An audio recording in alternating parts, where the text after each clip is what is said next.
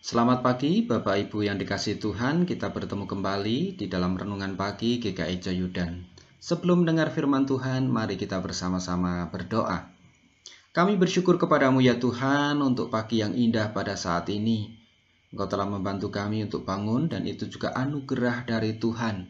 Kami boleh kembali bernafas, itu juga karena karunia Tuhan. Kami bersyukur untuk semua itu. Dan saat ini, jika sebentar kami akan mendengar firman-Mu, kami mohon pertolongan Roh Kudus untuk membantu kami agar kami boleh memahami firman-Mu ini dengan baik dan melakukannya di dalam kehidupan sehari-hari. Terima kasih ya Tuhan untuk kasih-Mu. Dalam Yesus kami berdoa. Amin.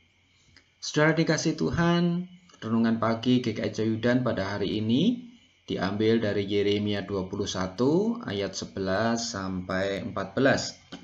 Saya akan membacakan demikian dari Yeremia 21 ayat 11 sampai 14. Kepada keluarga Raja Yehuda, dengarlah firman Tuhan.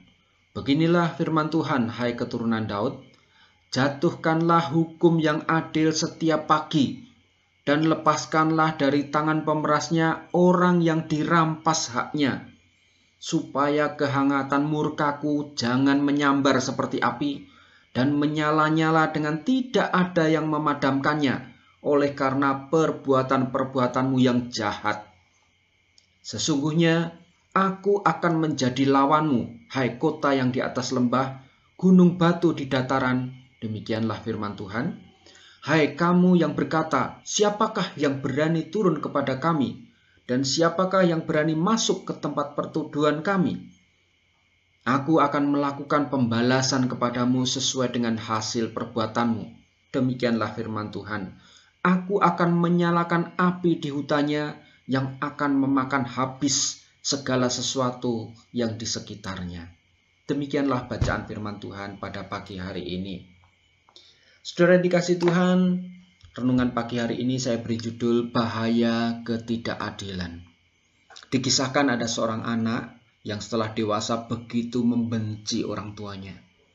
Rasa benci dalam hatinya itu telah menimbulkan dendam yang sangat membahayakan dirinya dan juga orang tuanya. Karena dia berani melawan orang tuanya, bahkan nyaris membunuh orang yang telah melahirkan dan membesarkannya. Kebencian dan dendam tersebut ternyata sudah dipendam sejak dia masih kecil.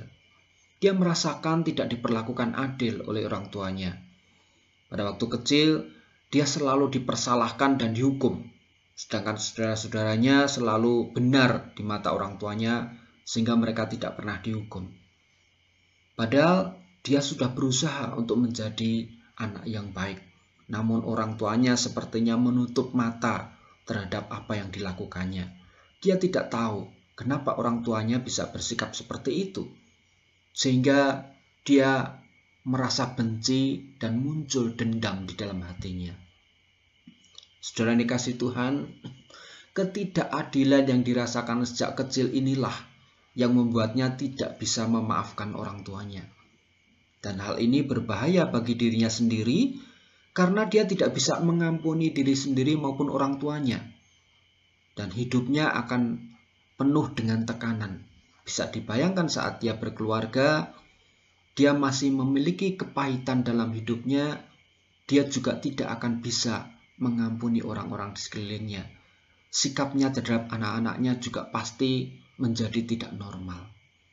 Dan ini juga berbahaya bagi orang tuanya yang tidak menyadari bahwa mereka telah berlaku adil. Berlaku tidak adil maksud saya terhadap anak-anaknya. Bisa saja orang tuanya itu tidak sadar bahwa dia itu berlaku tidak adil. Dan hal inilah yang butuh pertolongan. Dibutuhkan rekonsiliasi atau pengampunan. Kedua orang ini harus dipertemukan untuk saling mengakui bahwa mereka ada sesuatu yang mengganjal sehingga anak ini bisa memaafkan orang tuanya dan orang tuanya juga bisa sadar akan apa yang diperlakukannya terhadap anaknya ini dan mengaku salah di hadapan Tuhan sehingga kedua-duanya bisa tunduk di hadapan Tuhan mohon ampun di hadapan Tuhan dan mereka bisa saling mengampuni sehingga mereka hidup menjadi lebih damai. Tidaklah ada lagi akar kepahitan di dalam kehidupannya. Karena ketidakadilan ini membawa bahaya bagi orang-orang yang merasa diperlakukan tidak adil. Nah, saudara yang dikasih Tuhan, dalam bacaan hari ini kita juga disuguhi dengan ketidakadilan, tetapi konteksnya tentu berbeda dengan apa yang saya ceritakan di atas. Dalam bacaan ini, Nabi Yeremia menegur keluarga Raja Yehuda yang berlaku tidak adil dalam memerintah di Yehuda. Mereka lebih memihak kepada pemeras daripada rakyatnya yang diperas. Sehingga rakyatnya yang selalu dipersalahkan. Tetapi orang-orang yang memiliki kekuatan selalu dibela karena menguntungkan dirinya. Dan ini jauh dari kehendak Tuhan. Mereka lebih mengandalkan kekuatannya dan tidak mengindahkan perintah Tuhan. Mereka memutuskan segala sesuatu berdasarkan pemikiran mereka sendiri dan tidak mau mendengarkan Allah. Oleh karena itu, Tuhan memerintahkan Nabi Yeremia agar Raja Yehuda ini bersikap adil. Mereka diminta untuk berlaku adil. Sehingga Allah tidak murka. Bahkan murkanya menyala-nyala. Tetapi mereka ternyata tidak mau mendengarkan. Akibatnya, sudah dikasih Tuhan, melalui Nabi Yeremia ini Allah menyatakan akan melawan Raja Yehuda. Kesombongan Raja Yehuda karena memiliki kota Yerusalem yang berada di atas lembah dengan benteng yang kuat. Mereka merasa bahwa tidak akan ada orang yang bisa menggempur mereka, mengalahkan mereka. Tetapi pada saatnya Tuhan akan mempermalukan mereka. Melalui bangsa di luar orang-orang Yahudi, mereka akan dihancurkan. Kota Yerusalem akan hancur dan diporak-porandakan. Dan orang-orang Yerusalem bahkan rajanya akan dibawa ke pembuangan ke Babel karena mereka melawan Allah. Mereka berlaku tidak adil, menyombongkan diri, merasa diri kuat, dan meninggalkan Tuhan.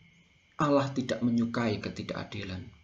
Oleh karena itulah Allah sangat murka saat Raja Yehuda berlaku tidak adil dan membuat keputusan hanya untuk kepentingan diri sendiri.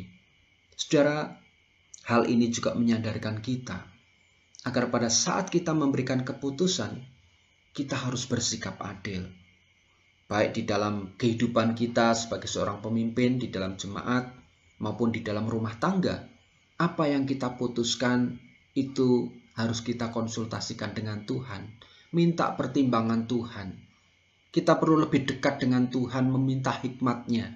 Melalui membaca firman-Nya, berdoa kepadanya, semakin mengenal Kristus, semakin mengenal Allah, maka kita akan tahu keputusan-keputusan mana yang sesuai dengan kehendak Tuhan dan keputusan mana yang tidak.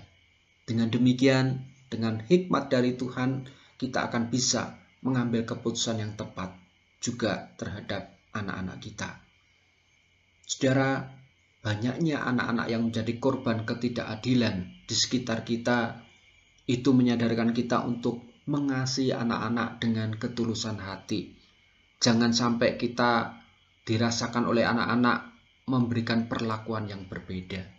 Mereka adalah titipan Tuhan dan anugerah dari Tuhan yang harus kita didik dengan kebenaran dan keadilan. Sehingga saat dewasa mereka bisa hidup memuliakan Tuhan.